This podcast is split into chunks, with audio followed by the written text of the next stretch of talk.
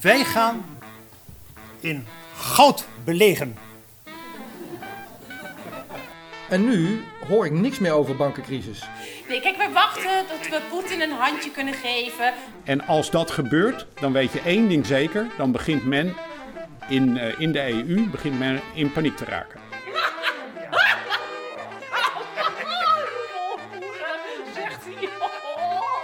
Gaan heel erg op en neer Ja. komend jaar. Exact. Ja, ja, ja, ja, ja, ja, ja, ja, ja, ja. De microfoon staat aan. Ja. Staat de microfoon aan? eh?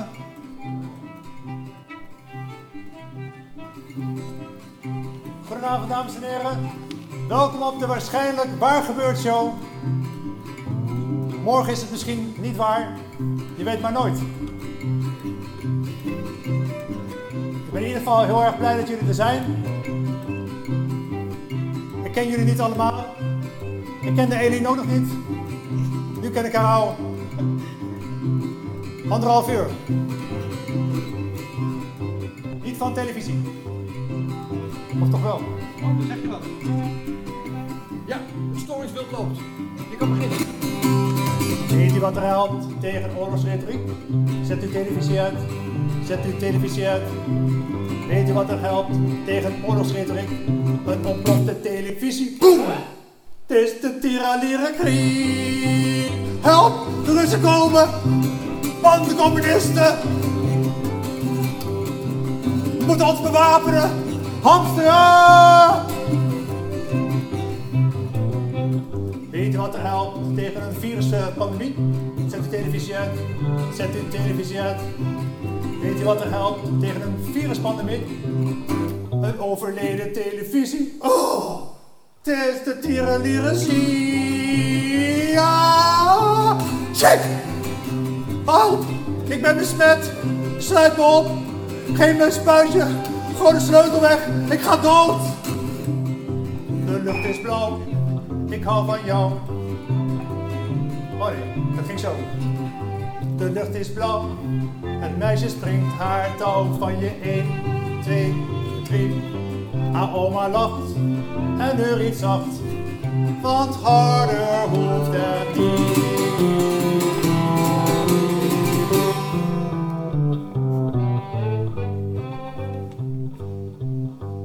Ja, er steeds beter. ja jongen, echt. Weet je wat er helpt tegen massa-hysterie? Zet je televisie uit. Zet je televisie uit. Weet je wat er helpt tegen massa-hysterie? Een spuitje in uw televisie. Van je de leren, Help! Wat was de tekst ook alweer? Ik ben mijn tekst kwijt. We're all gonna be happy. They're all gonna be happy.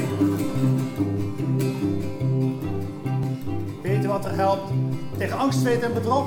Zet uw televisie uit. Zet uw televisie uit. Weet u wat er helpt tegen angst, zweet en bedrog? Een baksteen door uw televisie. Boom! Het is de tiraniranie. The all gonna be happy is now. You did wrong. You will be happy. You owe nothing. Dat goed gezegd, hè? Weet je wat er helpt? Tegen het mediabedrog, zet uw televisie uit. Zet uw televisie uit. Weet u wat er helpt tegen mediabedrog? De stekker uit de televisie. En zie. God dat zien, God dat zien. De lucht is blauw, ik hou van jou. Jij maakt mijn leven blij. Een melodie, och liefje zie. De koetjes in de la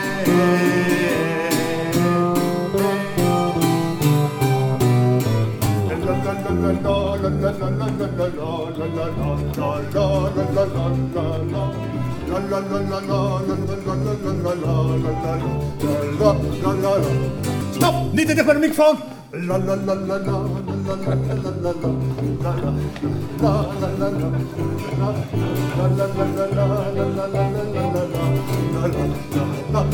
Be happy!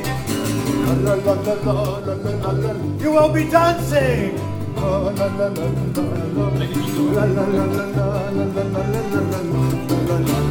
Dames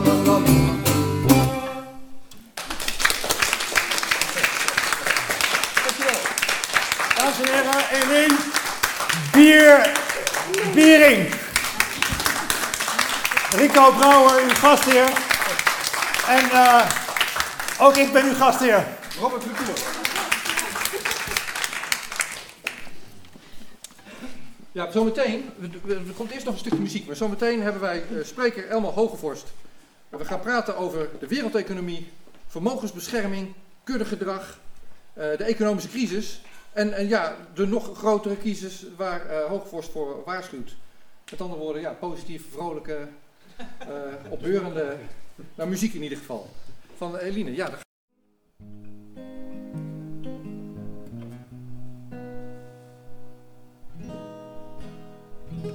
Oké.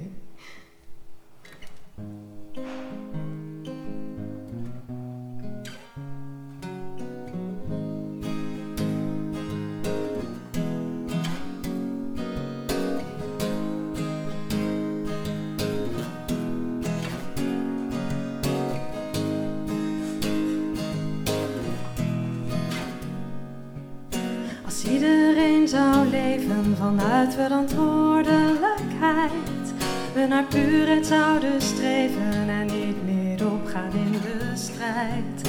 Als we zachtheid zouden vragen, evenals passie en plezier, om onze harten te vervullen, te leven in het nu en het hier dan zou het allemaal zo anders zijn. Geen maskers die we dragen, maar authenticiteit. Een hart en ziel die spreken voorbij de pijn. Wachten hoeft niet meer, want het is tijd. Het is nu de tijd.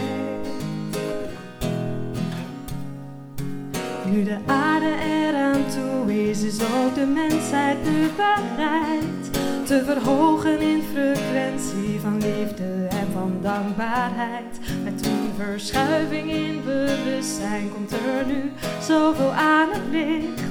Het nu nog stoppen gaat niet meer, want het vuur in ons is aangesticht. Het zal nu allemaal zo anders zijn. Het nieuwe tegemoet met nieuwsgierigheid. De vrijheid lacht ons toe, want wij zijn soeverein. Wachten hoeft niet meer, want het is tijd. Het is nu de tijd. Het is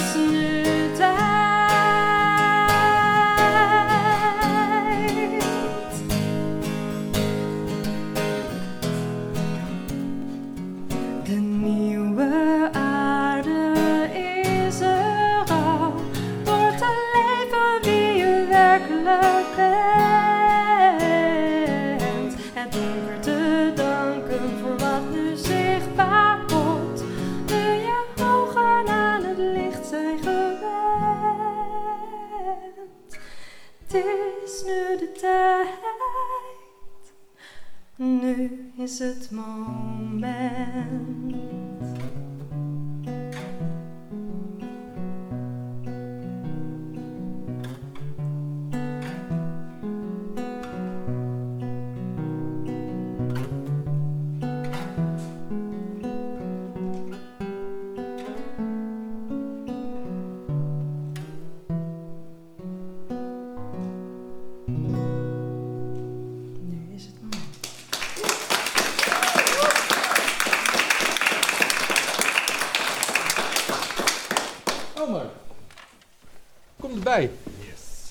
Dankjewel, Eline Bierling. Ze komt nog twee keer terug met een, eh, met een liedje. Nu is het moment. Wij gaan al een tijdje terug. We, spreken elkaar niet heel vaak. Maar ik wil het persoonlijk openen. Hoe, ik, hoe, ik, hoe jij op mijn pad kwam. En ehm, ja, ik zal, ik zal het dan niet lang doen. Voor je het weet ben je zelf een half uur aan het woord. Maar in 2008, ik had net een huis gekocht. Mevrouw en ik hadden net ons huis gekocht. En de huizenprijzen gingen zo mooi lineair omhoog, mijn hele leven al. En toen had ik eens een huis gekocht. Nou ja, mijn tweede. ging het helemaal omlaag. Ik schrok daarvan. Spaargeld bij iSafe. En ik ging op zoek van... eh, hoe, hoezo wist ik dat niet en waarom wordt dat niet op televisie verteld? En er waren mensen die dat wel hadden aangekondigd, die dat hadden verteld en die daar zelfs een boek over hadden geschreven. Kom ik achter. Deflatie in aantocht. Jullie hebben het opnieuw geschreven, he- helemaal herzien. eh, Erik Mekking en eh Elma Hoogvorst.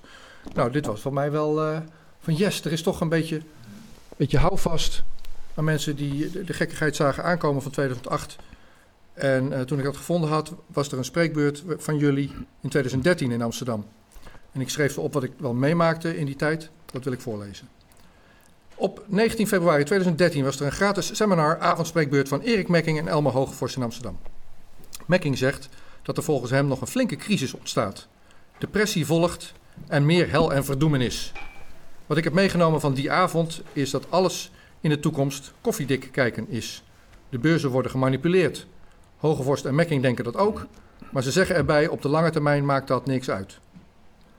En nu is het 2022 en zit jij hier aan mijn podcasttafeltje. Want mijn activisme, wat ik dan nu doe, dat begon eigenlijk ook daar.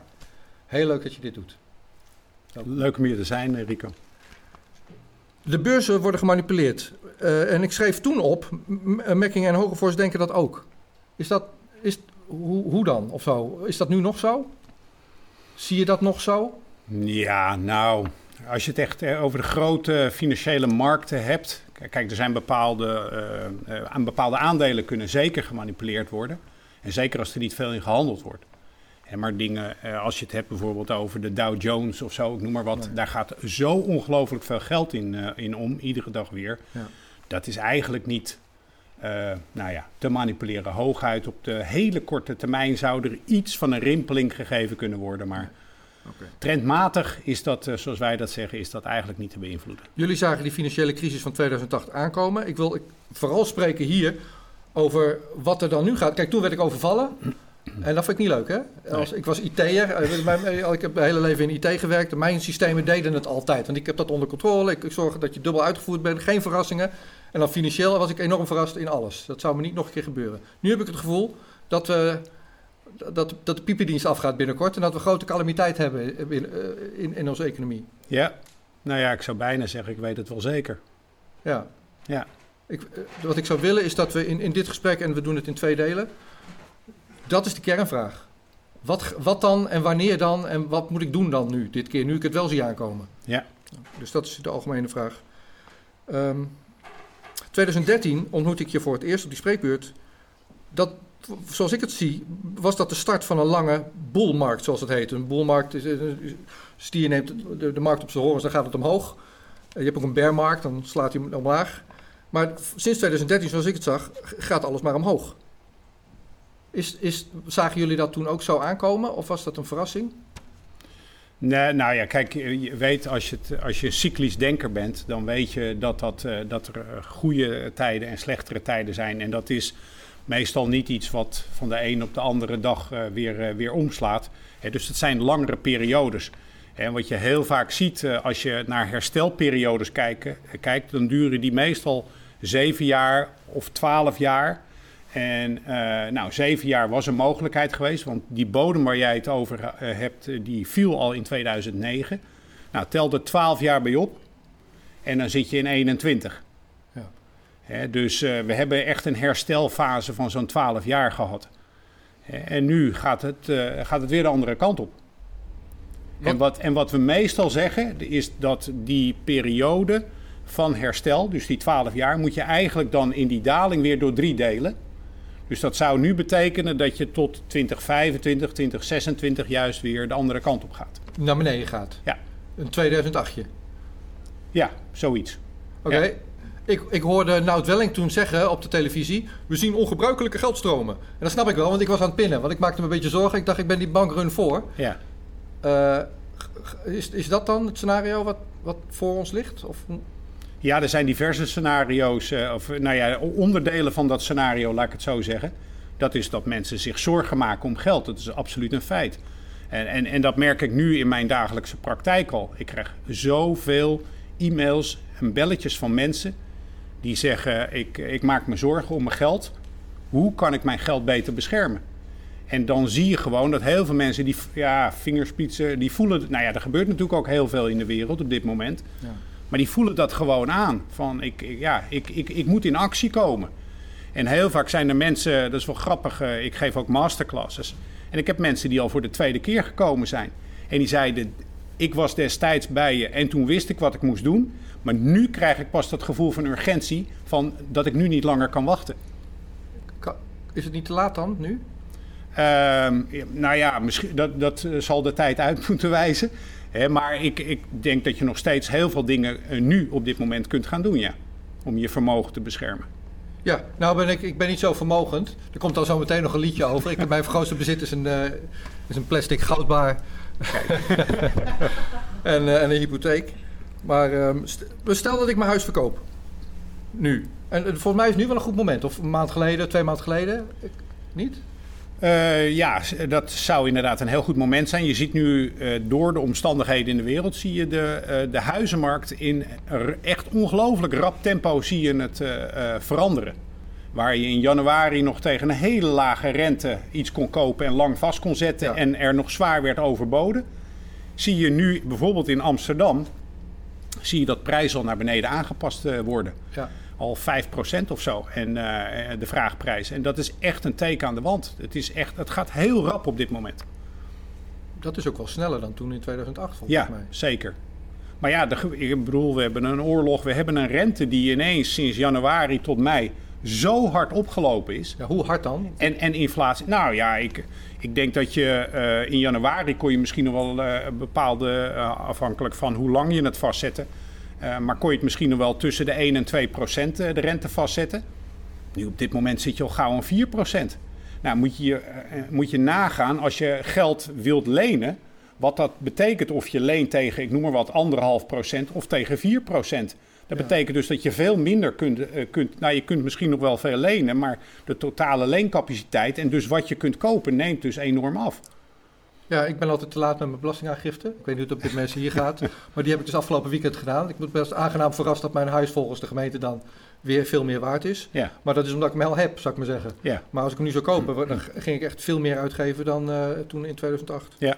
Stel, ik had hem verkocht in januari en ik los alles af, want dat staat jullie hebben tips hè, in je boek. Ja. Eh, Een aantal tips. Zorg dat je in ieder geval geen schulden hebt, maar zeker geen creditcardschulden, want dan betaal je helemaal hoge rente. Zeker. En verkoop je huis. Stel dat ik had geluisterd. Mag niet van mijn familie. Rico, wat je doet is alles, moet je zelf weten. Maar dat huis verkopen we niet. Oké. En ik had nu drie ton. En ik ging naar jou toe, dat is jouw werk, dat is jouw kennis. Dat soort mensen, nou weet ik niet, drie ton, zijn dat, is dat Nee, zo dat- cliëntelen? Ook, maar, Wat moet ik maar- ermee doen? Nou ja, het, het, eh, er zijn een paar sleutelwoorden eh, in, in dit kader. Eh, eentje is flexibiliteit. En daar kom ik zo nog wel even op terug. En een andere heel belangrijk, zeker met het geld, is spreiden. En dat lijkt heel voor de hand liggend, maar heel vaak doen mensen dat toch, eh, toch weer niet. En bij dat spreiden heb je nu eh, eh, eigenlijk ook nog wel weer voor een deel een dilemma. Omdat al alle markten gaan op dit moment ja, zitten in een correctiefase. Ja, gaan omlaag. Ja, die, die- corrigeren echt heel hard. Die, die, die, die dalen. Ik weet niet of je de afgelopen week gehoord hebt. Ik zit in zo'n community met mensen die, eh, ehm, eh, nou, die heel veel met bitcoin en, en, en crypto's nee, dat is bezig zijn. niet ontgaan. Nou, dat was redelijk paniekerig, kan ik je vertellen. Eh, als ik zag wat daar, wat daar geappt werd. En Oh ja? ja, dat, die maakte zich behoorlijk zorgen. En Ik, ik zit niet in die groepen. Ik, ik heb een beetje gejokt net. Maar het is ook waarschijnlijk waar gebeurd. Ik zei, mijn grootste bezit is een hypotheek. En wat zei ik nou nog meer? En een plastic goudbaar. Ik heb wel een beetje bitcoin. En daar heb ik trouwens deze contrabas van gekocht. Anderhalve bitcoin. kijk, Du- duur instrument nu. ja, absoluut. Ja, en toen was die 1200 euro of zo. Kijk, Ja. Ik, ben, ik, ik heb er geen spijt van. Maar nee, nee, maar dus- je hebt wel vroeg kerst, begrijp ik. ja, ja, dat is dan weer... ik, ik, ken, ik ken ik jou nog niet zo goed. Maar, Je zou, je zou er nu, je zou er nu 30, 30 van die eh, bassen Ja. voor kunnen kopen. Ja, precies. Sorry. Eh, ik heb daar geen, nee, helemaal niet. Ik heb daar geen spijt van. Ik ben, ik ben blij. Dit is mijn mooiste instrument. Dit Ja. is was een goede keus. Met de kennis van nu Had ik iets langer eh, op een gewone bas gespeeld, had ik er nu 30 gehad. Ja. Maar, maar eh, eh, even over bitcoin verder gaan. Ehm, dat mensen in paniek zijn, snap ik niet zo goed. Want bitcoin is al 30 keer doodverklaard en dan gaat het elke keer weer omhoog. Is dat nu anders dan? Nou ja, het, het zou kunnen dat, dat, eh, dat, dat hij opnieuw weer gaat opleven. Hè, maar het, kijk, weet je wat heel veel mensen doen? En daar heb ik het nog niet eens, want Bitcoin ben ik het mee eens. Maar er zijn natuurlijk ook heel veel van die altcoins en zo, van die kleine muntjes. Hè, bijvoorbeeld een, een, een munt als Luna. Nou ja, eh, daar is gewoon helemaal niks van over. Dat, die- is compleet gecrashed. Die zit eh, echt tegen nul aan. Terwijl die op 100 dollar of zo gestaan heeft. Nou, dat heb ik van de vorige cycle wel gezien. Dat, dat, zat ik ook enthousiast met allemaal eh, altcoins te doen. Ja, Dan zie ik nu met ledenogen gebeuren dat mensen dat doen en dan gaat het weer weg inderdaad. ja. Maar ik zag wel Martin Armstrong, en we gaan straks nog eens praten over cyclische bewegingen. En dan wil ik je vragen dat uit te leggen. Die zegt, ja, bitcoin dan moet je zien als, je hebt een stel early adopters en dan heb je een piek. En dat zal nu dan weer toch niet, niet, niet opnieuw zo hoog gaan, geloof ik. Dat hij dat bedoelde te zeggen. Niet zo diep of niet zo? En niet, niet, dus dat het een, eh, dat hij over zijn top heen is. Ja, En ja. dat het niet een correctie is die dan weer verder omhoog gaat. Nee, het zou kunnen zijn dat hij eerst nog veel dieper moet. En eh, nou, misschien komt hij wel weer een keer tot leven. Maar dan zijn we misschien alweer veel verder in de tijd. Deflatie in aantocht. Dat boek is voor het eerst uitgegeven in 2005, ruim voor de crisis van 2008.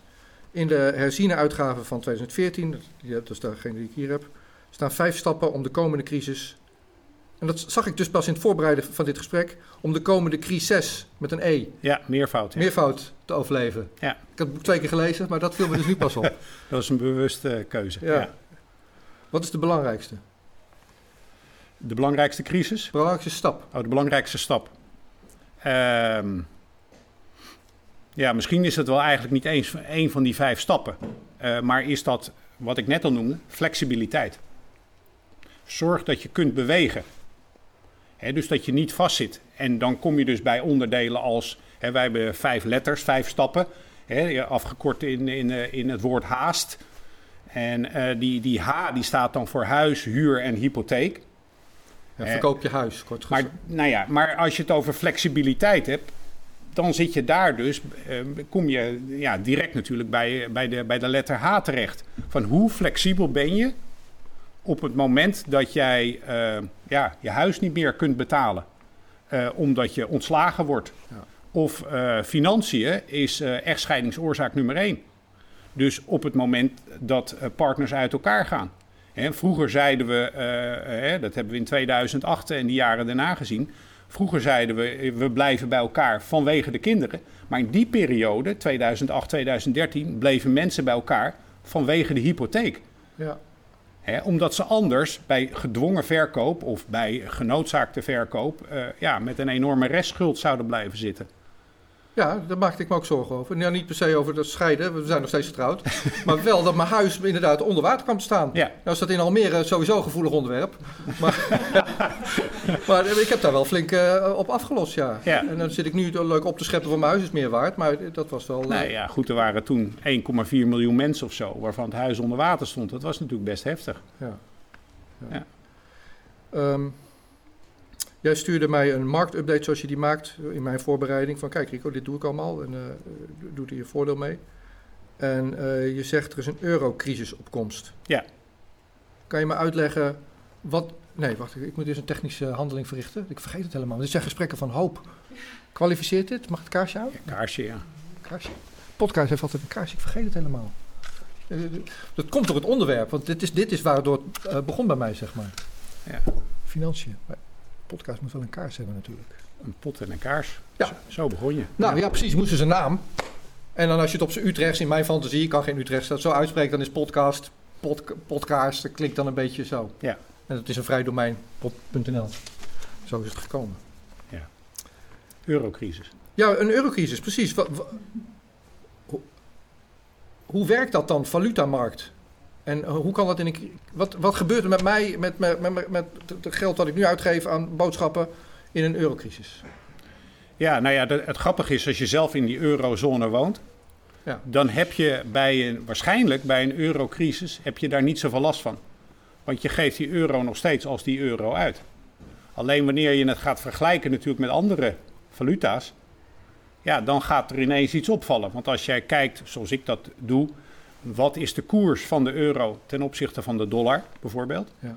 Nou, en je kijkt 1, 2 jaar terug, dan zie je dat we toen stonden op 1,22. Ja, dus ehm, eh, eh, we kregen ehm, eh, voor, voor 1 euro betaalde je eh 1 dollar 22. En we zijn onlangs op 1,03 geweest. Dus dat betekent dat die behoorlijk is teruggezakt. Kwart eraf of zo, meer dan een kwart eraf. Ja, ja. Eh, nou is dat in het verleden nog veel hoger geweest, hè? Want we hebben eh, eh, in 2008 hebben we een hele hoge, ook weer een hele hoge oliekoers gehad. Maar toen stond, was de, de euro-dollar verhouding was zelfs eh 1,59. Moet je nagaan op de top. Ja. En dus Dat heeft voor ons minder zeer, want de, de euro was relatief sterk en duur. ja, ja.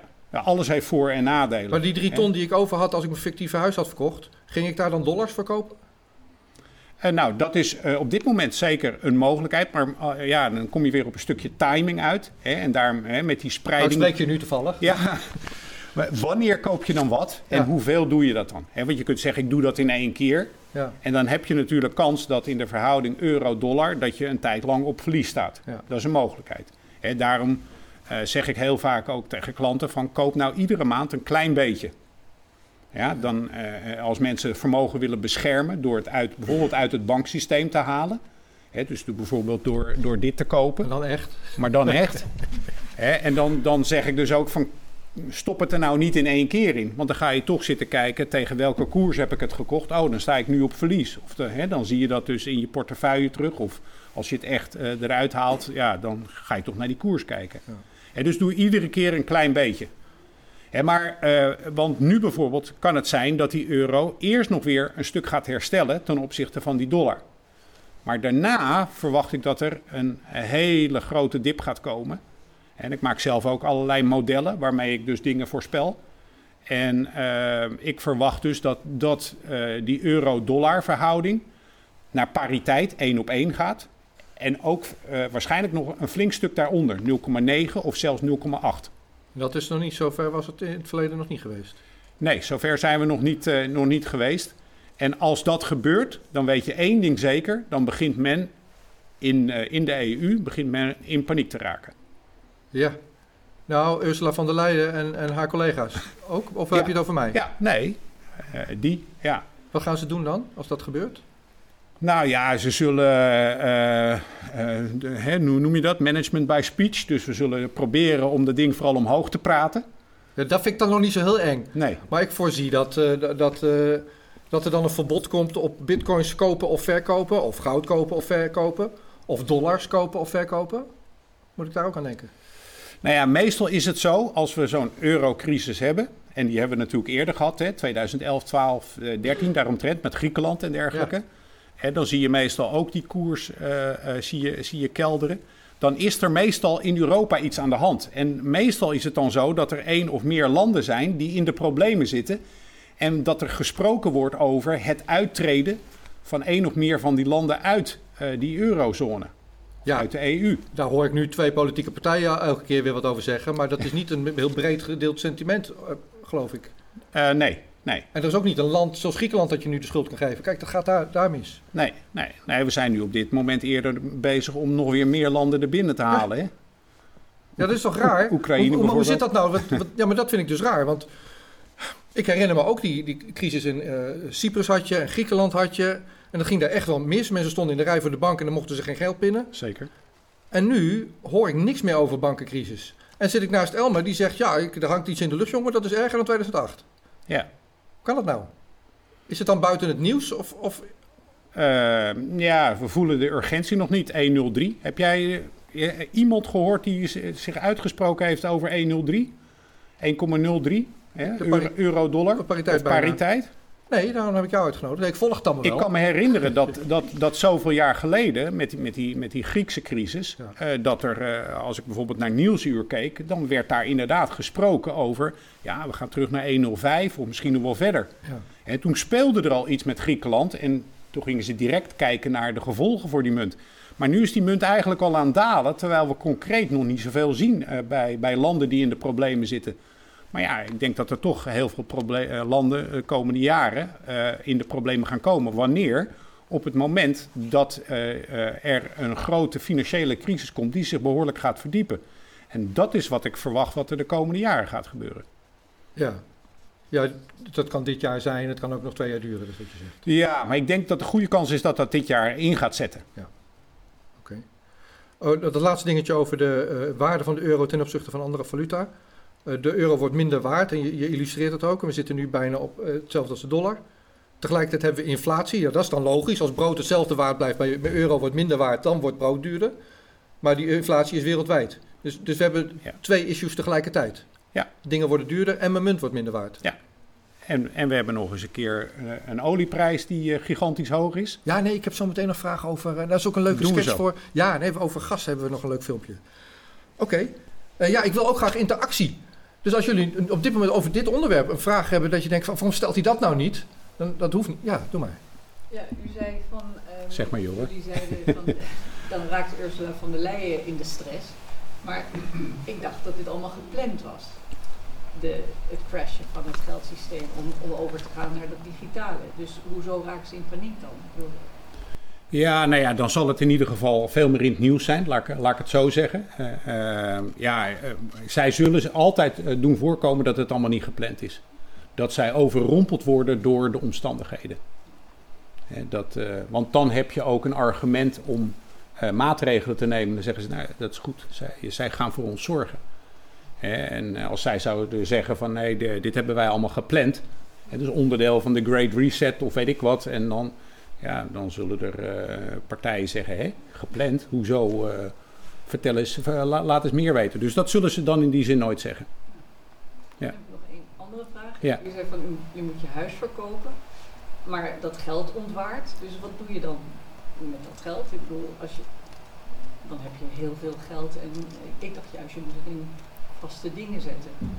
Ja, nou ja, dus, dat, dat verschilt dus ook heel sterk wat je totale vermogenspositie is. Hè, dus ik, ik, eh, ik heb mensen zoals Rico, hè, dus, die eh, dan dat huis verkopen, wat ze dan niet van de familie mogen verkopen. Maar ik heb ook eh, bijvoorbeeld mensen met, die hele grote vermogens hebben, hè, dus prijswinnaars in de staatsloterij. En daar doe ik juist precies het omgekeerde. Dan zeg ik, een van de eerste dingen die we gaan doen is een huis kopen omdat je, ja, als je zoveel geld op de bank hebt staan, hoe kun je dat nog beschermen? Dus dan moet je het juist uit het banksysteem halen. Dus dat verschilt heel erg sowieso van je positie. Maar ik ben het met je eens. eh, eh, eh, het zit uit het banksysteem en dus heb je dus op dat moment weinig last van, van dat, je, nou ja, dat, je geld kan verdampen of zo. Hooguit kan je vermogen afnemen. De, dat is zeker de situatie. Maar het hangt er een beetje vanaf. Kijk, je moet alles in context plaatsen. En wij hebben in dat boek gezegd: je huis verkopen. Uiteindelijk, dus eerst eh, bedoeld om, om de aandacht te krijgen. Nou, dat lukt dan meestal. Hè, getuigen je vraag. Hè. En maar vervolgens zeggen, ze, zeggen we: het is altijd maatwerk. Het hangt van je situatie af.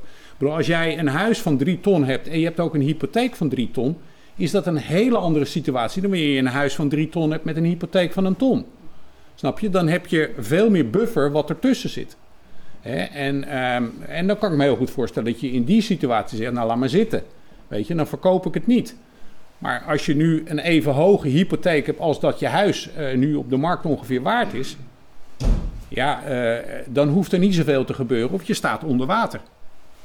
Hè? En ehm, ja, we weten in 2008 hoe ze daarmee omgingen. In eerste instantie werd gezegd, u moet bijstorten. Maar toen werden het er zoveel dat ze zeiden, nou laat maar zitten. Dus, eh, maar ja, er stonden wel heel veel mensen onder water toen. En dat, en dat beperk je dan, en dan kom je weer bij die flexibiliteit, dat beperk je dan in, in je bewegingsvrijheid. Want stel je dat jij in het westen van het land woont en je kunt wel, en je bent ontslagen, en je kunt wel die baan accepteren in het oosten van het land. En je wil dus eigenlijk verhuizen, dan wil je je huis niet verkopen, omdat je dan die restschuld weer hebt. En dus ben je veel minder flexibel. Hè? Dus dat is een beetje de achtergrond. Dus, maar het is een hele goede vraag. Het is altijd maatwerk. Dus je kunt niet zeggen: dit is op jou van toepassing en geldt voor iedereen. De wereld is nu compleet eh, anders. Nu heb ik hier Robert Recour die, die eh, eh, Klaus Schwab zingt You will owe nothing tegen mij hier met mijn contrabas van, van destijds anderhalf bitcoin. Dus we zijn wel met elkaar veel meer aan het opletten dan, dan toen in 2008. Ik heb, ik heb Mekking ook wel eens gesproken en ehm, die zegt dan ook, ja, mensen, ze willen het ook niet weten. En, en ik kan me voorstellen, jij ook. Je, je vertelt, nu heb je meer eh, tractie van, van je boodschap dan, dan het in 2010 of zo. Ja, altijd zo. Ik, Ja. ik zeg ook altijd, eh, eh, de, de aandacht die ik krijg van klanten of eh, eh, dat mensen naar me toe komen, die, die golven heen en weer met, met de economie. Ja. Dat op het moment dat het economisch beter gaat, heb ik minder werk. En als het economisch slechter gaat, dan komen er ineens heel veel mensen op me Er komen goede tijden. Kijk, zie je, positief verhaal. Oké, nou, ik, eh, applaus voor Elma Hoogvorst. Alsjeblieft. Ja. We praten zo meteen nog even verder. Maar eh, ja, ik, ik heb dat dus... eh, het is trouwens Robert's schuld, hè? Het is Robert's idee om, om dit zo te, te, te, mengen met elkaar. Maar daar ga ik dan niet spelen. En ik schreef dat naar aanleiding van die, van die crisis in 2008. En eh, dat zal ik dan nu hier doen. Ehm, dus ik neem jullie, en dit is waar gebeurd. Dus niet waarschijnlijk waar, dit is eh, autobiografisch waar gebeurd. En ik neem jullie mee in de tijd, terug in de tijd naar 2008 en de jaren die daarop volgden. Nou, ik ben nog steeds getrouwd, maar ik was toen dus ook getrouwd. En onze kinderen waren toen veel kleiner dan nu. En ehm, in dit verhaal, het is een waar gebeurd verhaal, stonden zij op zaterdagochtend in de rij voor hun zakgeld. En in die tijd was eh, zakgeld, dat had je dan nog met muntjes. Dat ging dan een spaarvarken in, een spaarpot in. Daar heb ik een afbeelding van meegenomen. Dan krijg je zelf zo'n spaarvarkentje. En eh, ja, als we dat dan uitdeelden, is waar gebeurd, dan zongen ze daar een liedje bij. Nou ja, waarschijnlijk waar gebeurd. En ehm, ik had in die tijd net een nieuwe baan. En dat leek me nou eens een goed idee. Dus ik vroeg aan die directeur, van nou, dat, kan dat ook contant? Kunnen we dat gewoon... Ja, dat, dat ging dan niet. Nou, daar gaat dit liedje over. Ik had net een nieuwe baan. Voor 40 uur per week. Ze zouden me betalen aan het eind van elke maand. Ik stond toen bij die directeur die lachend naar me keek. Ik kan het je niet geven, het wordt overgemaakt. Toen ik thuis kwam en ging kijken naar wat ik had verdiend, bleek er al wat te zijn afgehaald. Omgekeerde rente door de bank bediend. Niets voor gekocht, maar ik heb er wel voor betaald. Zaterdag is zakgelddag en ochtends als we opstaan, staan ze samen klaar en bij hun ouders in de rij. Waar spaar je voor, vraag ik soms. Niet dat dat wat uitmaakt. Die muntjes gaan hun spaarpot in van hun, dat is niet van mij. Niemand die eraan komt, ze hebben groot gelijk. En die kinderen die zongen dan. Geef mijn zakgeld maar aan mij. Stop die muntjes er maar bij. Al zit daar dan geen rente op, dat spaarvarken zit mooi op slot. Ik kan er altijd bij, ik kan er altijd bij. En als ik iets wil kopen, is de winkeljuffrouw blij.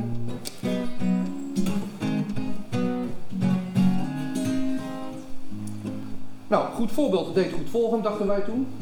Dus wij kochten een huis.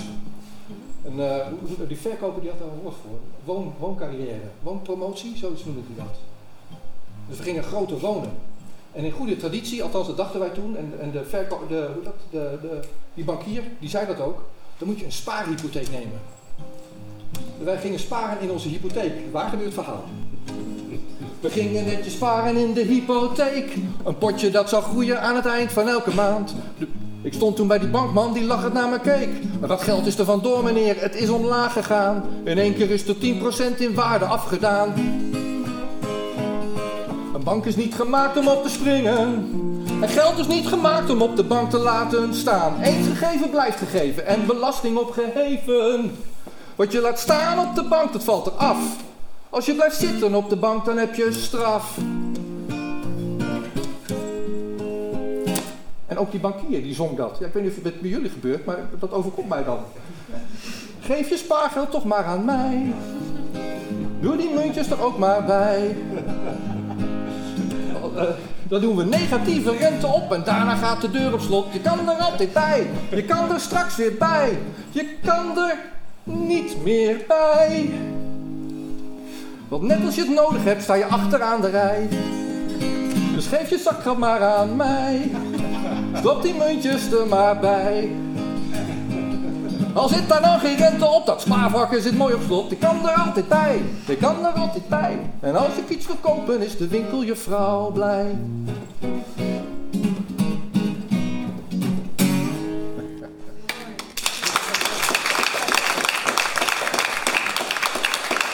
Dankjewel. Ehm, het volgende volgende onderdeel van dit programma. Ja, ik moet even een, een kleine break maken in, eh, in topic. Uh, ik, ik interviewde pas geleden mensen uit Italië, België, Engeland, Nederland, Frankrijk meen ik. Uh, Jamila weet het uit haar hoofd. Maar dat maakt ook niet uit. En dat ging over Julian Assange. Dit zijn de mensen die demonstraties organiseren voor Assange. Die mogelijk binnenkort wordt uitgeleverd. En het, wat daar op het werd, is dat alle artiesten die ergens op een podium staan, even een minuutje pakken van dat moment en zeggen: Jongens, let even op, Julian Assange is de, de, de, de journalist die uh, hier als posterboy straks wordt uitgeleverd aan de Verenigde Staten en daar nooit meer uit de gevangenis komt. Uh, Jamila heeft een petitie gestart, die kan je nog tekenen, petities.nl. Heeft gevraagd aan de Eerste en Tweede Kamer om dat aan te nemen, morgen. Nou, de Eerste Kamer gaat dat doen. Tweede Kamer, voorzitter, reageerde niet. Toen wel van, oh wacht even, ik heb in juni misschien wel tijd. Ja, het idee was nou juist dat Priti Patel, de minister in Engeland, door onze Tweede Kamer een klein duwtje in de goede richting zou krijgen. Via, nou, dat, dat, ziet ze niet zo gebeuren. Maar je kan die petitie tekenen nog steeds op petities.nl. Steun Julian Assange. En bij deze ingewilligd, ik zou een puntje maken voor Assange. Gedaan. Nou, wat ook in dit programma voorkomt, is uit het gulden vuistje. Hebben jullie het gezien vorige keer? Ja, het is een vervolgverhaal, hè? Daar komt nu het vervolg. Oh, nou hè?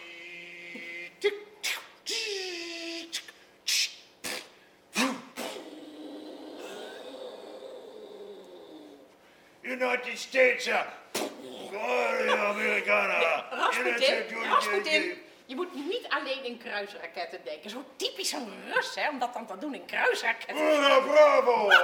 Ja, zijn plek. Zeg, ik ben getrouwd, hè. Ja, ja, ja, ja, Rasputin. Ik ben getrouwd, hè. Met, oh, over man gesproken. Man? Ik moet man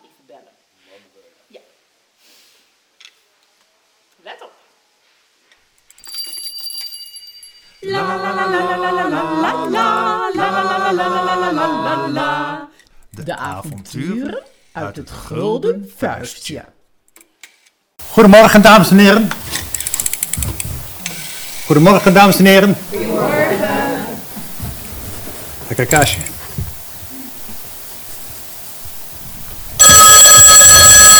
Telefoon. Met man. Ja, dag man. Uh, kan je even de videoverbinding aanzetten? Is vrouw. Je weet niet hoe dat moet. Oké. Eh. Het knopje, het knopje op het spreekgedeelte. Indrukken. Ja, ik weet niet waar. Maar Ja? ik weet niet. Indrukken. Wat? Weet niet hoe dat moet. Je moet gewoon het knopje indrukken. Druk het knopje in. Ja, Snap dat niks, hè? Druk gewoon het knopje in. Ja, ik zit hier dus met Rasputin op, in Moskou. Ja, bravo! Jeetje, jeetje, veel? Ja. Nee, kijk, wij wachten tot we Poetin een handje kunnen geven. Want ik dacht namelijk, het was helemaal niet zo handig dat we Rasputin gestenigd hebben. We hebben hem nodig. Hè? Want de roebel, robbel. die is waardevast. Robba hoera! Roebel, hoera. Ja. En de euro... De, de euro dus niet.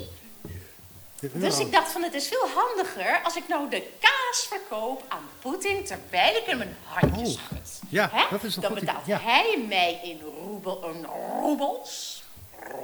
Roebels. Ja, en dat- En dan zijn wij vanuit het gulden vuistje, zitten wij financieel gebakken. Oh, dat is een goed is idee. dat? Ja, Slim, hè? Ja. dat is een goed idee. Nee, want er is namelijk een enorme deflatie van de euro en de dollar. Nee, dat snap je Deflatie. niet, dat weet ik. Dat woord ken je niet zo goed. Dat is helemaal niet echt... Ja, maar Maar dat leg ik nog wel uit als ik thuis... Nee, ik kom gewoon weer thuis. Ik kom gewoon thuis. Ja. Nee, Ja. ik kom gewoon weer Maar thuis. moet ik afsluiten? Ja, nee, ik zit nu nog even hier met Rasputin. Maar... Roemelhoeren, zegt hij. Hij is stout hoor, die en- Rasputin. Maar goed, ik, ik, ik kom gewoon weer thuis en dan is Ja. alles weer koek en ei. Goed. Hè? En dan drinken we samen een kopje koffie. En dan maak ik een En blokje alles kaas. komt goed. Maar eerst even de kaas verkopen aan Poetin. Hè? Ja, goed. Ja. Nou, Dag man. En zorg Dag, goed voor het kaaswinkeltje, hè? Dag. Dat ik thuis kom, dat, wel, dat alles gewoon perfect is qua boekhouding en dergelijke. En anders dan vraag je maar hulp, hè? Dan bel je maar. Ja. Dag man. Dag. Dag, dag, dag, dag, dag. Ja, procureer. Zo. inflatie, uitflatie, overflatie, deflatie, biflatie, hyper, hyper, hyperhoeraflatie. Ah, ik heb er eigenlijk geen kaas van gegeten. Ja, het zijn die, het zijn die Haagse hete aardappels die er... Er gebeuren hier rare dingen. Ja, niet bepalen. Maar ja, ik zeg, ik zeg, we moeten, we moeten kaas kopen, wij moeten eieren voor ons geld kiezen. Wij moeten ons het kaas niet van het brood laten eten. hè? Wij, moeten, wij moeten ons voorbereiden op de toekomst. Ja. Ja.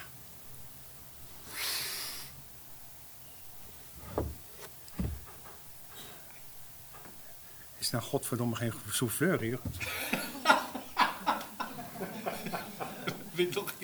Ja, Wij moeten ons voorbereiden op de toekomst.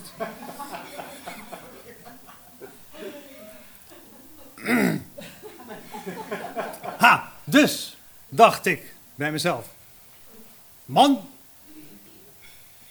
wij gaan in goud belegen.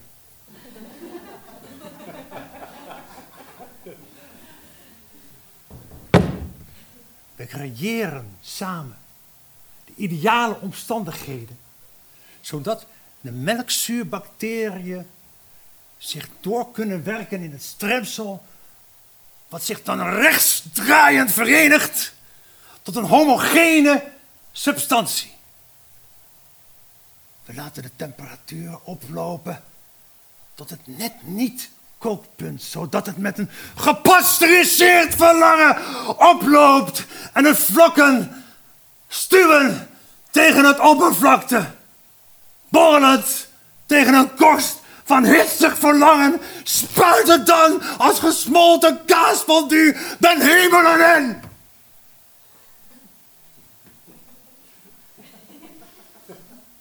Vervolgens, dames en heren, jongens en meisjes.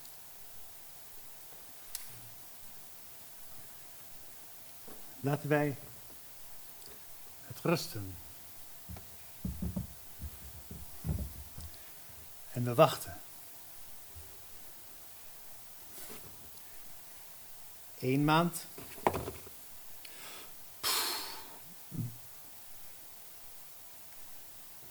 Twee maanden. Ja. Drie maanden.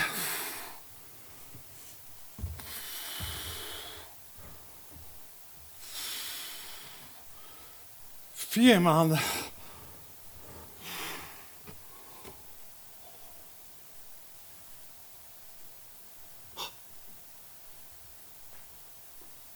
Vijf maanden. Jo, hippetje, petuppetje. Hop. Ja, hoe? Zes maanden. Zeven maanden. Acht maanden. Negen maanden.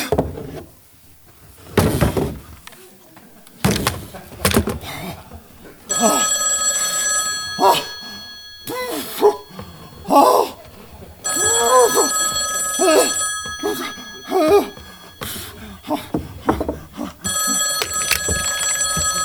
Met man. Ja, hallo man met vrouw spreek je, hè? Gaat alles goed in het kaaswinkeltje? Mijn wijwater is gebroken. Wat is gebroken? Ik ben goud aan het Zeg baren. je nou weer? Goudbaren? Oh. Baren, ben je met een man? Dat kan je helemaal niet. Luister goed naar me. Ik ben een vrouw, je doet precies wat ik zeg. Precies wat ik zeg. En nu puffen. Nee, nee, nee, nee, nee.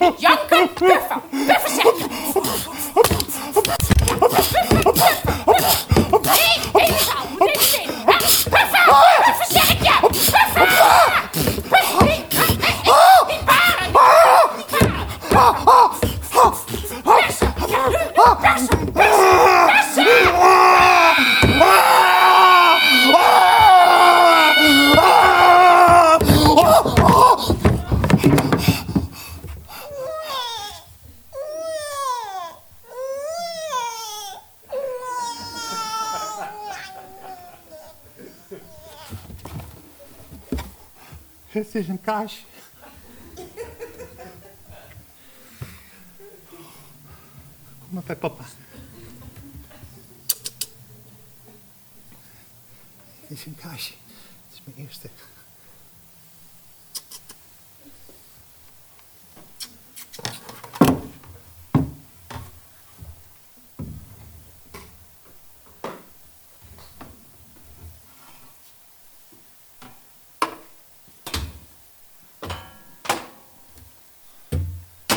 Dames en heren, mag ik een gigantisch applaus?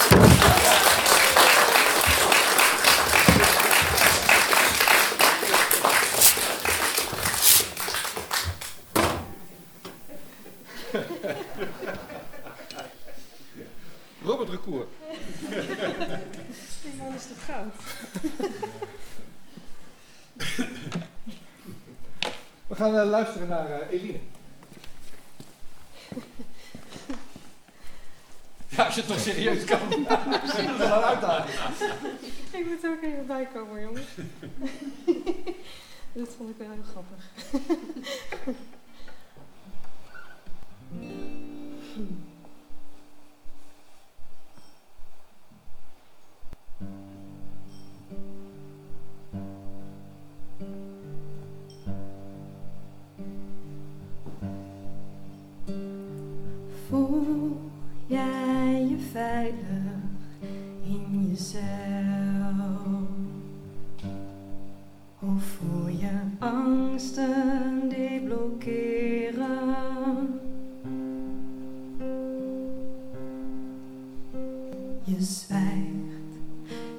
verdrinkt en je ontstijgt. Want zo lijkt het jou niet te dieren.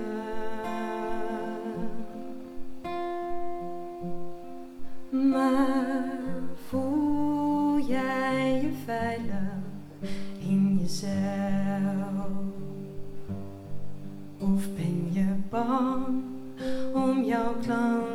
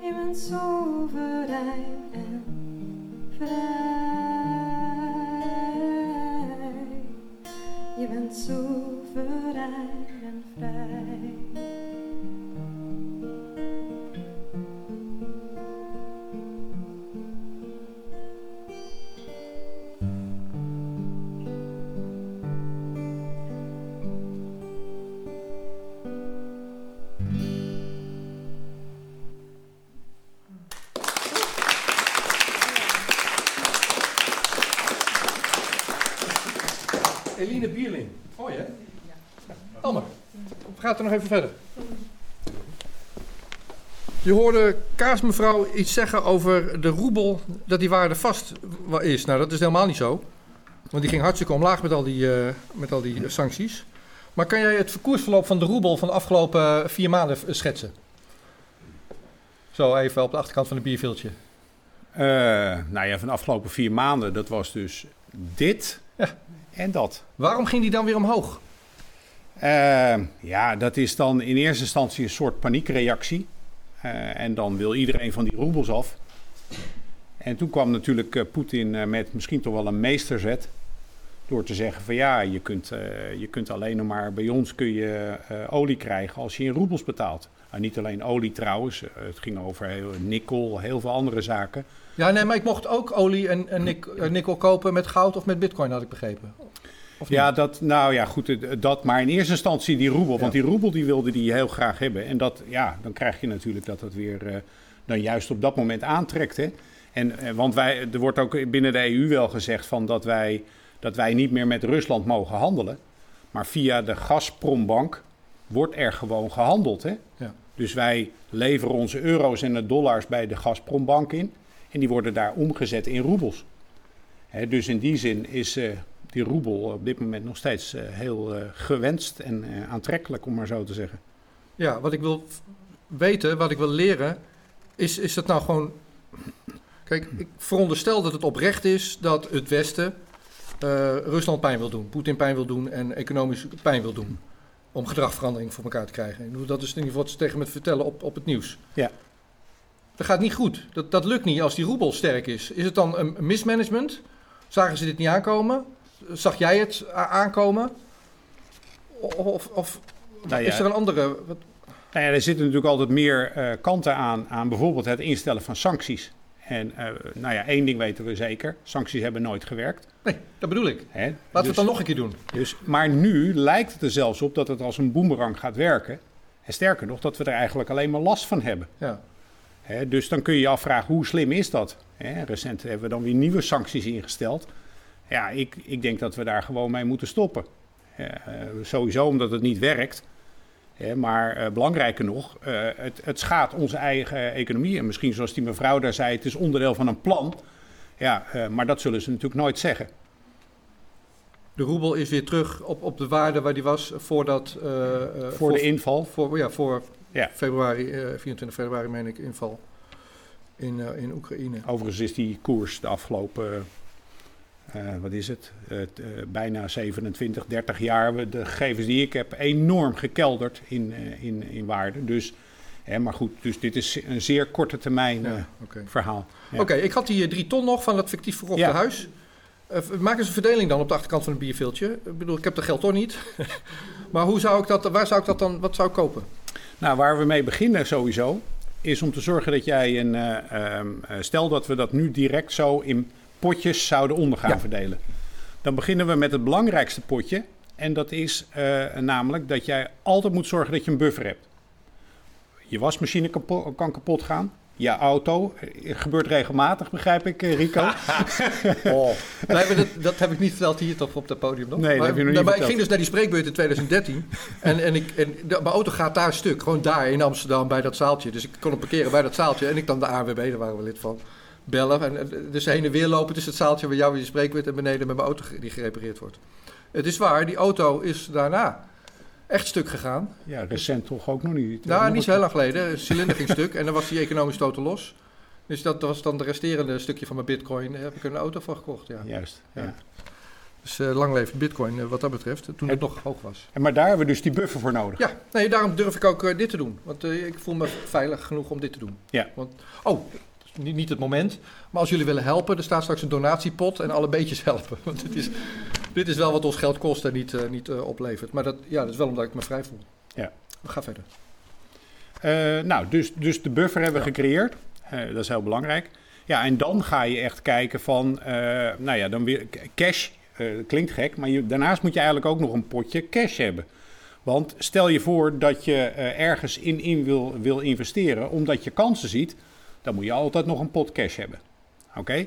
Nou, dan kun je daarna eh, gaan onderverdelen in iets met aandelen, Je kunt iets gaan doen met, eh, eh, hoe heet het, met bitcoin. Je kunt iets gaan doen met goud en zilver. Ja, dan zou je eigenlijk ook vastgoed toch, maar die had je net verkocht, hè? Ja. Ja, dus dat is nou jammer. Maar dat is vaak het probleem natuurlijk met vastgoed. Dat maakt, als je zo'n, eh, dat wil onderverdelen, maakt dat vaak zo'n groot deel uit. Precies. En dat, en dat merk ik ook bijvoorbeeld in die masterclasses die ik geef. Er zitten mensen bij die hebben gewoon 80, 90 procent, 95 procent alles in vastgoed zitten. En met name ook nog eens extra pandjes om, eh, om, om te gaan verhuren. Ja. En eh, dus dan zeg ik ook altijd, je bent heel erg kwetsbaar eh, als er iets met die vastgoedmarkt fout gaat. Want eh, ja, dan word je wel midscheeps eh, geraakt, zo gezegd. Ja, alleen maar virtueel, want eh, die huizen heb je dan nog steeds. Die heb je nog steeds. Ja. Ja, En de huur daarvoor komt ook nog steeds binnen. Dus, eh, als het goed is. Ja, Ja. Dat is het, precies. En als het niet goed is, heb je nog steeds die huizen. Dan heb je nog steeds die huizen. En, dan, ja. en dan hangt het er dus wel een beetje, hè, maar dan, dan nog, misschien gaat er iets anders in diezelfde periode juist wel heel goed. Bijvoorbeeld goud en zilver. Ja. Dus daarom is, kan het handig zijn om niet alles in vastgoed te stoppen, hè, maar om dat veel meer te spreiden. Wanneer gaan goud... en- Ja, ik vraag maar even. En ik heb die boeken ook gelezen. Hè? Eh, jij en, en Middelkoop en, en- en- en Erik Mekking, jullie hebben ook een boek. Ja. Eh, eh, wat was het nou? Geld, goud en zilver, zeg ik nou goed? Ja, geld, goud en zilver. Ja, ook gelezen. Die dat kan ik trouwens niet vinden. Die heb ik dan weer uitgeleend en dan krijg ik... De, dat, eh, Ja. die ligt, iemand anders heeft daar nu plezier van, zeg Ja, maar. Als ik hem ook meegenomen. Ja. Ehm, goud en zilver kopen is ook verstandig, is wat je zegt. Maar ik zit te wachten tot dat... dat wanneer gaat het dan... Ik wil dat dat omhoog gaat dan. Ehm, nou ja, volgens mijn eigen modellen, eh, eh, want alles zit nu op dit moment in een correctiefase. Hè, dus alles gaat eh, zakken. En als ik naar mijn eigen modellen kijk, volgend jaar februari, rond 20, 25 februari, verwacht ik een hele belangrijke bodem voor goud. En verwacht ik daarna dat we jarenlang een stijging gaan zien van edelmetalen. Maar in eerste instantie zullen we een soort van. We zitten nu in een infla- inflatiefase. Ja. Maar we gaan waarschijnlijk eerst nog een soort deflatoire crash krijgen. Dus waarbij alles keldert. En dan pas gaan we. eh, eh, dan is het extra interessant eh, om in te stappen. Dus daarom moet je alleen al die cashpositie hebben. om daar in te stappen. Ik kan me ook voorstellen dat mensen het nu ingewikkeld beginnen te vinden. Zoals die kaasman van net. Inflatie, deflatie, Ja. op zijn kopflatie. Want je, je boek heet de Deflatie na, toch? Je zegt, we gaan later dit jaar... Gaat iedereen op zijn geld zitten. Geld gaat niet meer rollen. En dat is deflatie. Dus eh, geld is ineens heel schaars. Dat is wat je verwacht. Ja. Ja. Terwijl we nu met 10, 20 procent inflatie zitten. Ja. Hoe Dat- dan? Ja, eh, om, omdat we met enorme tekorten zitten. Eh, maar dit gaat bijten natuurlijk. Of dit bijt al, maar dat gaat nog veel meer bijten. De rente loopt dan hard op. De inflatie loopt hard op. En ik heb geen geld om brood te kopen en mijn schulden te voldoen. Exact. Dat is het punt. Dus dan krijg je op een gegeven moment juist weer het omgekeerde effect. We gaan heel erg op en neer Ja. komend jaar. Exact. Ben je daar bang voor? Ehm, nou ja, weet je, ik, ik- wat ik zelf altijd zeg is dat als jij enigszins weet wat er aan zit te komen, dan ben je mentaal voorbereid en dan heb je de helft al gewonnen. Hè, maar voor heel veel mensen die zullen in paniek raken omdat het ja, een soort schrik, schriksituatie is van, oh, dit zag ik niet aankomen. En worden dan dus heel erg bang. En met name, eh, dan krijg je weer die- zo'n zo'n bankrun of, of met een electronic bankrun, dat we dan met muisklikken proberen om die bedragen dan ergens anders. En, eh, dus dat, dat zou eh, zich voor kunnen gaan doen. Dat mensen dus heel erg. en dan heb je misschien ook kans dat banken gewoon dichtgaan. Net zoals dat we in de jaren 30 eh, hebben gehad van, van, de, van de vorige eeuw. Toen hadden we een soort bankholiday.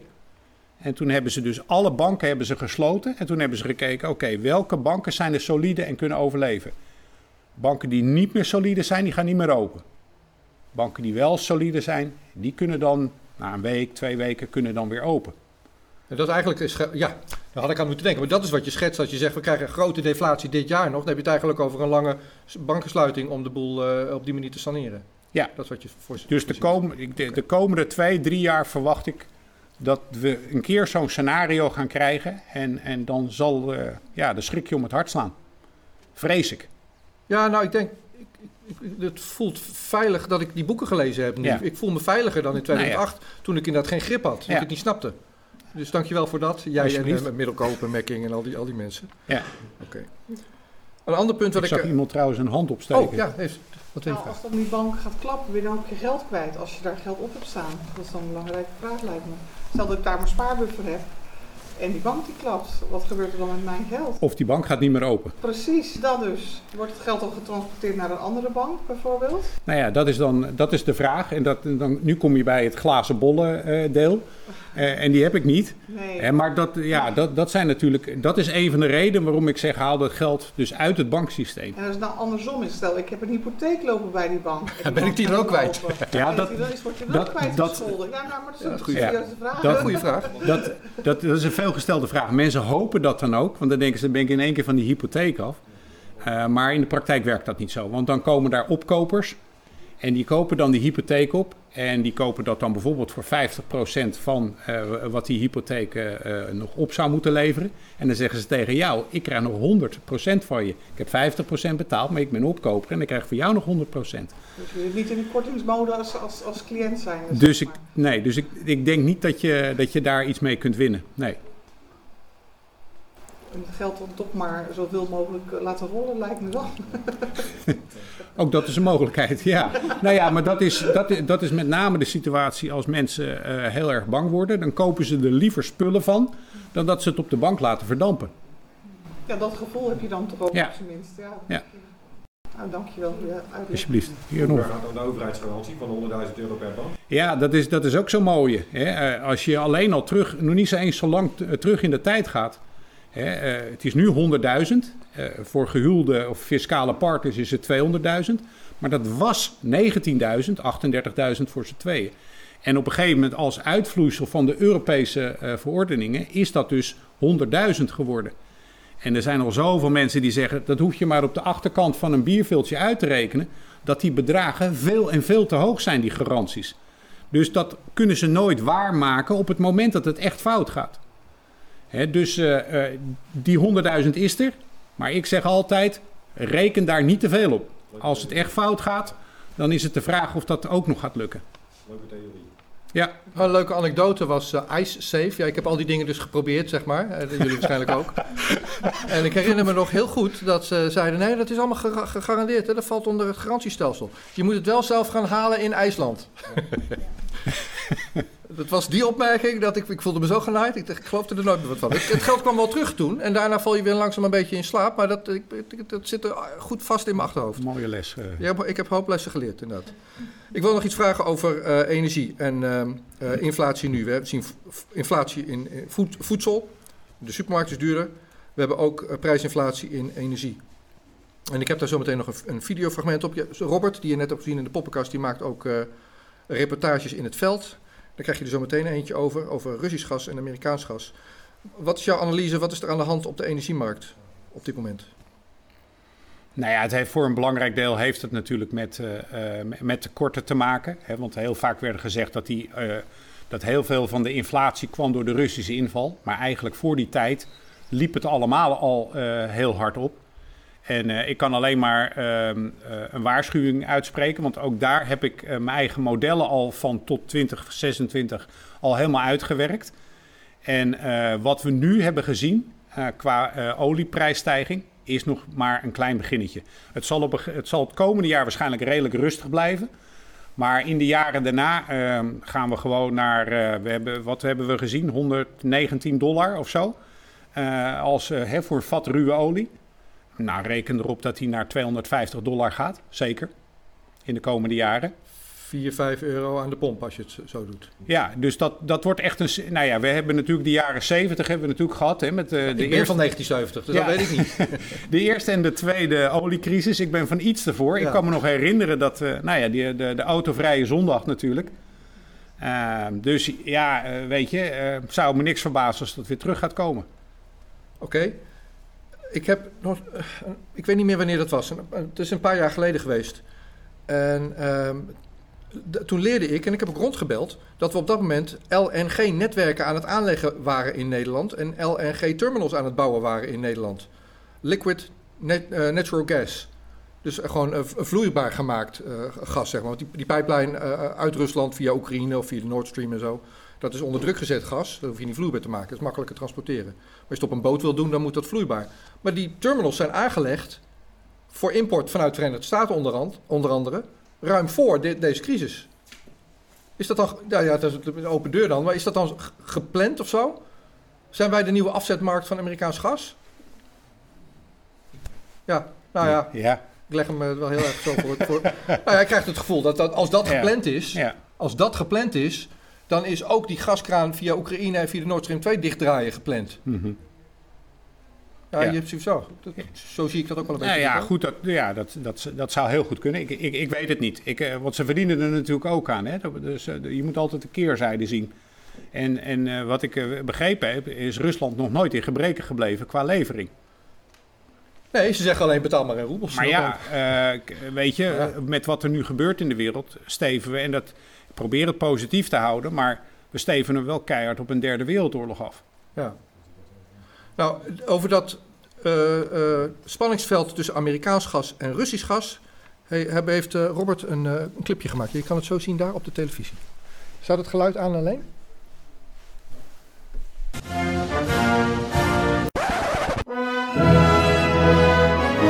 You fucking Russ. You really American gas is very German Rose Rose. Yeah, yeah, yeah, yeah, boy, yeah, boy. Ah! ah! Yeah, yeah, yeah, yeah. What the hell is going on, man? Fire! Joanne Rostero, we don't get a... Ah!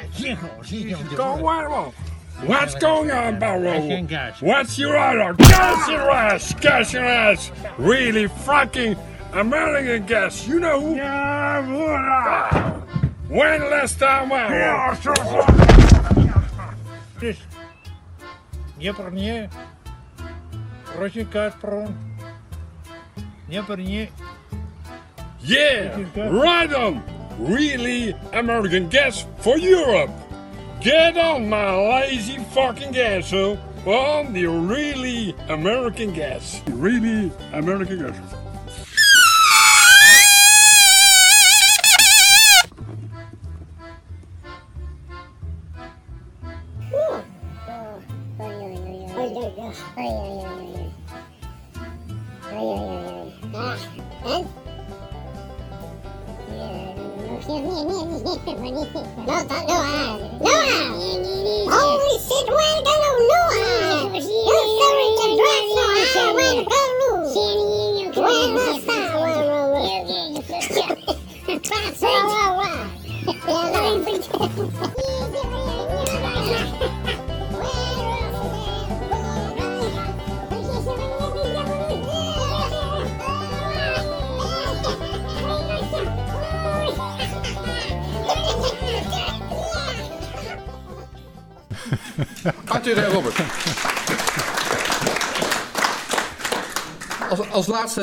Wil ik terugkomen op eh, cyclische bewegingen. En ehm, ja, ik weet niet of het in het kort kan, maar misschien kan je vertellen wie meneer Kondrachev was, wat Martin Armstrong doet. Eh, en er zijn meer mensen, eh, Pits, die in lange cyclische golven kijken naar, naar ge- gebeurtenissen in de wereld. En als je dat dan hebt uitgelegd, waar zitten we nu op zo'n golf? En wat vertelt de geschiedenis ons, wat, wat, wat ligt er voor ons de komende jaren? Ehm, nou ja, laat, la- laten we, eh, daar is voor een belangrijk deel ons boek ook op gebaseerd. eh Kondrachev, hè, die Russische econoom. eh, waarvan Schumpeter, Jozef Schumpeter ooit zei van vergeet alle economische theorieën. En onthoud nu alleen de theorie van, van Nikolai Kondrachev. Ehm, dat wordt onderverdeeld, althans dat heeft Schumpeter gedaan, in seizoenen. Dus lente, zomer, herfst en winter. En eigenlijk, ehm eh, iedere, ieder seizoen heeft zo zijn eigen karakteristieken. We zitten nu in het winterseizoen, nog steeds. Maar we zitten wel aan het einde van de winter.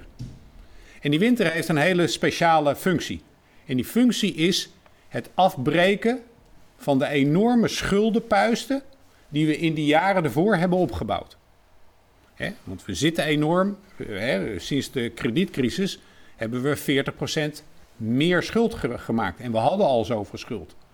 En dat gaat nu bijten omdat de rente op begint te lopen. Hè? Dus eh, eh, daar zit dus een belangrijk probleem. Maar we kunnen niet naar de lente toe, de nieuwe lente, waar alles dus weer gaat stijgen en positief. En, want we willen positief eindigen. Maar we kunnen niet naar die lente toe, want we hebben die schulden nog steeds niet afgebroken. En daar is, waar ik het net over had, die enorme deflatoire crash die er nog moet komen. Dat is daar eh, zeg maar de trigger voor om dus eh, wat te gaan doen aan die schuldenpuisten. Dus je zult dan gaan krijgen dat we in een soort depressie terecht gaan komen, waarin er dus heel veel eh, van die schulden gesaneerd gaan worden, geliquideerd, bedrijven failliet zullen gaan. En dat heeft dan tot gevolg dat dan een groot deel van die schulden op een gegeven moment verdwenen is. En dan pas kunnen we weer naar de Kondratjev lente toe. En dan gaan we weer omhoog kijken. En dan kom je bij je positieve scenario uit. En maar we zitten dus aan het einde van die Kondratjev winter. Maar we kunnen niet naar die lente zolang we die enorme schuldenpuis niet afgebouwd hebben. Ik ben geboren in 1970. Ben ik, is, is mijn leven dan geweest in, in de. Heb ik ook de zomer meegemaakt? Of is het allemaal herfst? eh, Want ik heb, ik heb de hele wereld gezien. Ik, ik heb de vruchten geplukt, zou ik maar zeggen. Ja. Het was een, De, de, de groot, die grote cyclus, laten we zeggen dat dat een jaar of 80 is, daaromtrent. eh die is begonnen in 1949. De, en die lente die duurde tot 1966. Dus vlak voor jouw geboorte. Ja. Toen kwamen we in de zomer en die duurde van 66 tot 81, 82. dat was ook wel een beetje een spannend moment, hè? 87 had je rente die sterk opliep. Eh, nou, die, die rente was op zijn top in 81. Oh ja. Dus het is eigenlijk een inflatie-deflatiemodel. En die eerste twee seizoenen zitten in het inflatoire deel. En die laatste twee seizoenen zitten in het deflatoire eh, deel. Dus, en toen kwamen we dus in de, in de herfst van zeg maar 82 tot 2000. En we zitten nu in de winter van 2000 tot, nou ja, 2023 of daaromtrent. Oh, 2024. Ja, we zitten aan het einde. Ja, maar. Nee, dat is niet hoopvol. Nou ja, maar het- ik vrees Maart dat. zijn staart, april doet wat hij wil. Ja, het slechtste deel moet denk ik nog wel komen. Wat dat Nou, dat, je- zoals je het schetst, hebben we nog een wereldoorlog. Een 40, 45 en de eerste jaren daarna was, was niet echt heel. eh, nou ja, ik heb dat natuurlijk niet zelf meegemaakt en, Nee. en je ouders ook niet, want eh, Nee. daar zijn die cycli te lang voor. Ja, ja daarom is, duurt zo'n cyclus duurt ook ongeveer een mensenleven. En daarom maak je eigenlijk, eh, ja, eh, sommige delen maak je heel bewust mee, andere delen niet zo bewust. En we kunnen eigenlijk ook nooit teruggrijpen op delen die we eerder hebben meegemaakt, omdat, we, ja, eh, omdat je allemaal een keer een, zo'n hele cyclus zeg maar meemaakt. Ja. Nou, dat is ook een zekere gelatenheid die ik dan heb als ik zo'n boek lees. En, want dan realiseer ik me ook, kijk, je, je, mijn opa en oma's zijn allemaal dood nu. Voor jou ook, veronderstel ik, dat kan niet anders. Als je met die mensen spreekt, dan denk je, ja, oud. Eh, maar nu spreken ze jou aan met uh, boemer, eh, oud. Ja. dus, Ja, dus, ja, dat hoor ik dagelijks. dus je ouders, dan luister je dan nog een beetje naar. Je grootouders, nou, die, wat weten die nou van de huidige tijd? En, en zo herhaalt de geschiedenis zich elke Exact. keer. En dat is wat ik, waarom ik altijd masterclasses begin met mijn favoriete spreuk. En dat is: het enige wat we van de geschiedenis leren, is dat we niks van de geschiedenis leren. Ja, nou ja. ja, ja. Ik heb het nu geleerd, maar er zijn voor mij in elke cyclus uh, uh, ook mensen die podcasts zijn gaan maken natuurlijk. Ja, dat is wat je zegt. Ongetwijfeld. ja. Nou ja, er komt ook altijd weer een lente. Er komt zeker weer een lente. Ja. Maar we moeten even door een rottig uh, staartje heen. Ja, zie je daar tegenop? Uh, nou ja, weet je, ik... ik, ik uh, Gelaten of zo. Ja, ik, ik, ik, weet dat je er niks aan kunt veranderen. Je kunt je voorbereiden. Nou, ik vroeg aan Kees van der Pijl uh, een paar weken geleden, van waar kan ik heen dan? Stel, ik vind het allemaal eng. Ja. Welk land? Hij zegt, ja, je bent een Nederlander, je woont hier, hier ben je gegroeid, geworteld. Hoezo? Nou, dat wil ik aan jou ook vragen. Ik had die drie ton nog. Waar, waar uh, kan ik een vliegticket kopen, hè? Ja, maar er zijn mensen, ik weet van mensen die, die, die de hele wereld aan het uh, scouten ja, zijn. ik ken ook diverse mensen die in het buitenland al uh, bivakeren. Ja, ja nou, wat, wat, wat, wat, waar is het? Uh, kan ja. geen Russisch, dat gaat hem niet worden. Nou, er zitten, nou, er zitten een hoop mensen in Mexico. Ja, in Zuid-Amerika hoor ik ook. Ja, ja. En ja, Portugal hoor ik. Ja, dan denk ik dat is de Europese Unie, dat gaat hem niet worden. En Kees die zei, ja, er is de hoogste vaccinatiegraad, dus ze lopen daar het meest achter overheidsbeleid aan. Ja. Uh, ja, dus, dus ja, dat, dat, is ook lastig. Jij, jij gaat het ook hier meemaken. Ik denk dat ik het hier... Ja, je, je weet het niet. Ik, eh, eh, mijn vrouw minder ik- zeker dan Kees. Nou ja, nee, maar m- mijn vrouw eh, en ik hebben wel eens tegen elkaar gezegd van... eh, eh, als dit betekent bijvoorbeeld als er een, derde wereldoorlog komt... dat onze kinderen eh, in militaire dienst eh, zouden Ja. moeten. Want ik weet, nou, mijn dochter zit hier in de zaal... Eh, ik heb al zo'n brief gehad. eh, ik heb eh, onze jongste twee, dat is een tweeling. En die hebben allebei zo'n brief gekregen dat ze dus geregistreerd zijn bij, hè, dus, dus, dus bij Defensie. Hè, dus dat ze eventueel opgeroepen kunnen worden.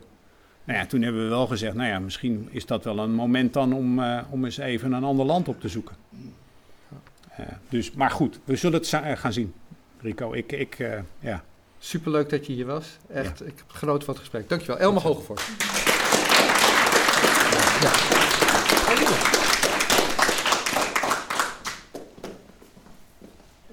Ja, ja, je wil ook al, hè? Oh. Ja, jij bent al als laatste zo meteen. Nee. We gaan Dan eh, transformatie even- zingen. Ja, dat klopt, ja. Ik snap wel dat hij staat te popelen, want ik weet wat er gaat gebeuren zo meteen. Maar dit is ook heel mooi. ja. Zo gaat hij goed. hè? Ja, dankjewel.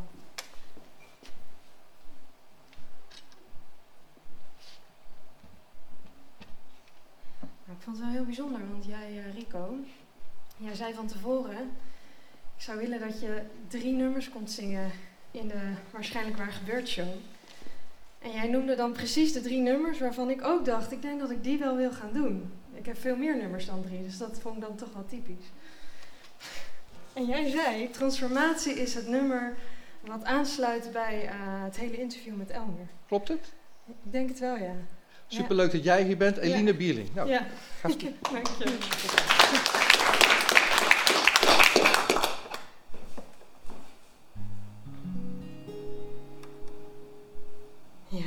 transformatie is het oude durven loslaten, ook al zie je het nieuwe nog niet.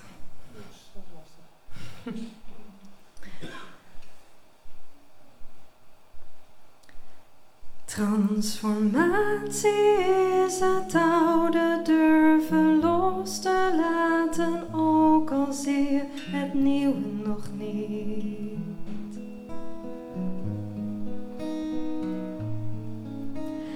Daagt je uit om in het hier en nu te blijven, ook als je geen uitweg meer ziet.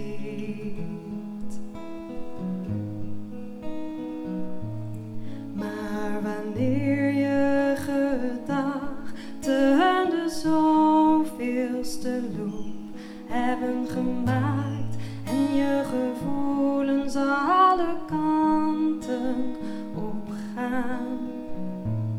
komt er altijd toch een moment van inzicht dat recht doet aan jouw bestaan.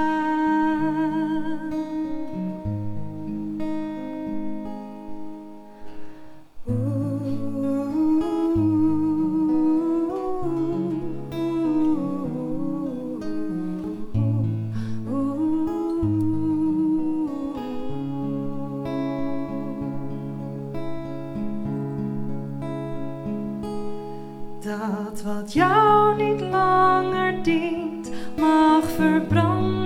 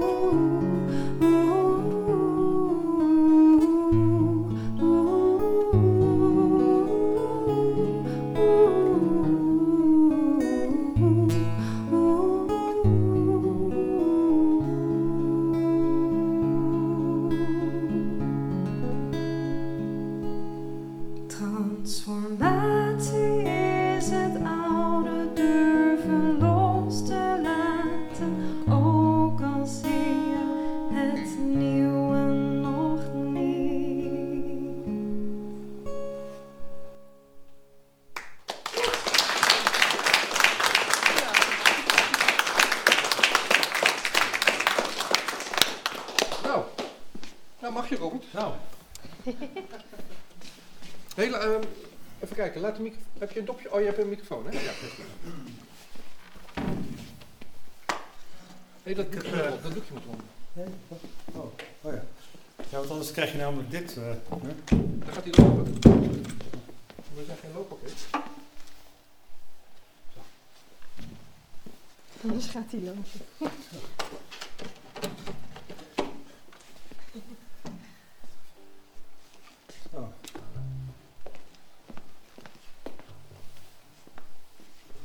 Dames en heren. We zijn zo'n beetje aan het einde gekomen van eh, deze waarschijnlijk waar gebeurt show. Zo. Nou, dus eh laatste liedje.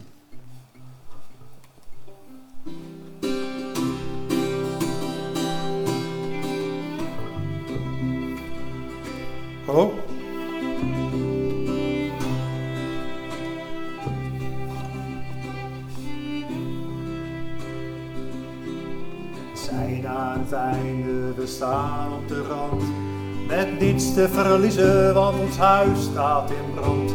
Halleluja, boem boem, halleluja, geef je hand. Want het virus van liefde is terug in dit land. En ik ging naar de deur en ik vroeg om brood. Maar de vrouw die zei boem boem, de bakker is dood. Halleluja, boem boem, halleluja, geef je hand. Want het virus van liefde is terug in het land. En ik ging naar de bank, maar de bank was er niet. Want de beurs barstte boem boem en de bank ging failliet. Halleluja, boem boem, halleluja, geef me hand. Want het virus van liefde is terug in het land. En we hebben geen werk en we lopen maar rond. En de wachter schiet boem boem de broek van de kont. Halleluja, boem, halleluja, geef je hand. Want het virus van liefde komt terug in het land. Daar gaat hij, hè?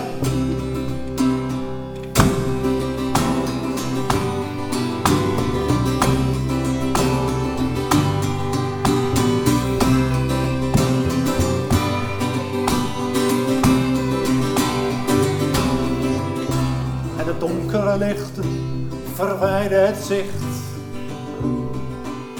Want de donder doet boem boem, maar erachter schijnt licht. Halleluja, boem boem, halleluja, geef je hand. Want het virus van liefde komt terug in het land. Halleluja, boem boem, halleluja, geef je hand.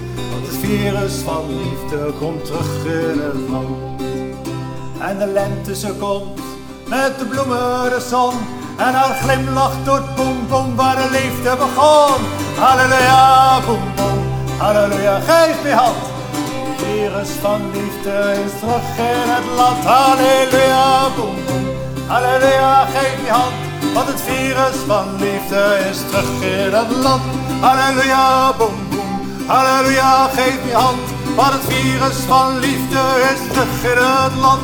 Halleluja, boem boem, halleluja, geef me hand. Want het virus van liefde is terug in het land.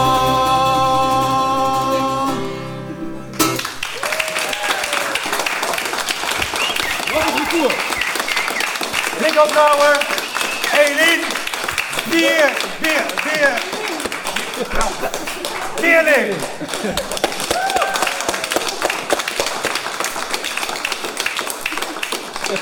Hartelijk bedankt. En eh, jullie kunnen lekker wat drinken nemen. En eh, ja, de donaties zijn vrij. Eh, ik weet niet waar de pot staat, maar... eh, We gaan de pot erbij zetten als hij er nog niet staat. En eh, ja, help ons als je kan en als je dit leuk vindt. Spread the word, dat helpt ons Ja. ook, zeg maar. De opname is klaar. Maar eh, dit, dit gaat alleen door als mensen komen en als jullie delen op social media. Althans, het gaat ook wel door als er niemand komt, zeker. Ja, dat is een beetje triest. Wordt, eh, ja, aflopende zaak, maar ja goed, dat Oh. is het sowieso dus. En ik zit daar dus achter dat ding. En die, en die poppoot die valt op omlaag. Ja, die, break a leg, dat was daar echt wel... ik zit er met een laptopje, dat gaat dan allemaal net goed. Ja. En ik zie En ging je me echt nog een beetje souffleren. Nou, ik wist die tekst niet. Ik had dus gevraagd, Ja. die tekst. En als het misgaat, dan heb ik die tekst. Dus ik zie hem stuntelen en ik denk, ja, ik weet ook niet wat er komt. Godverdomme, je hebt het is geen beter gemaakt dan leedvermaak, hè. Dus, eh, Ik denk dat we dat niet gaan redden. applaus voor jullie zelf. Dankjewel.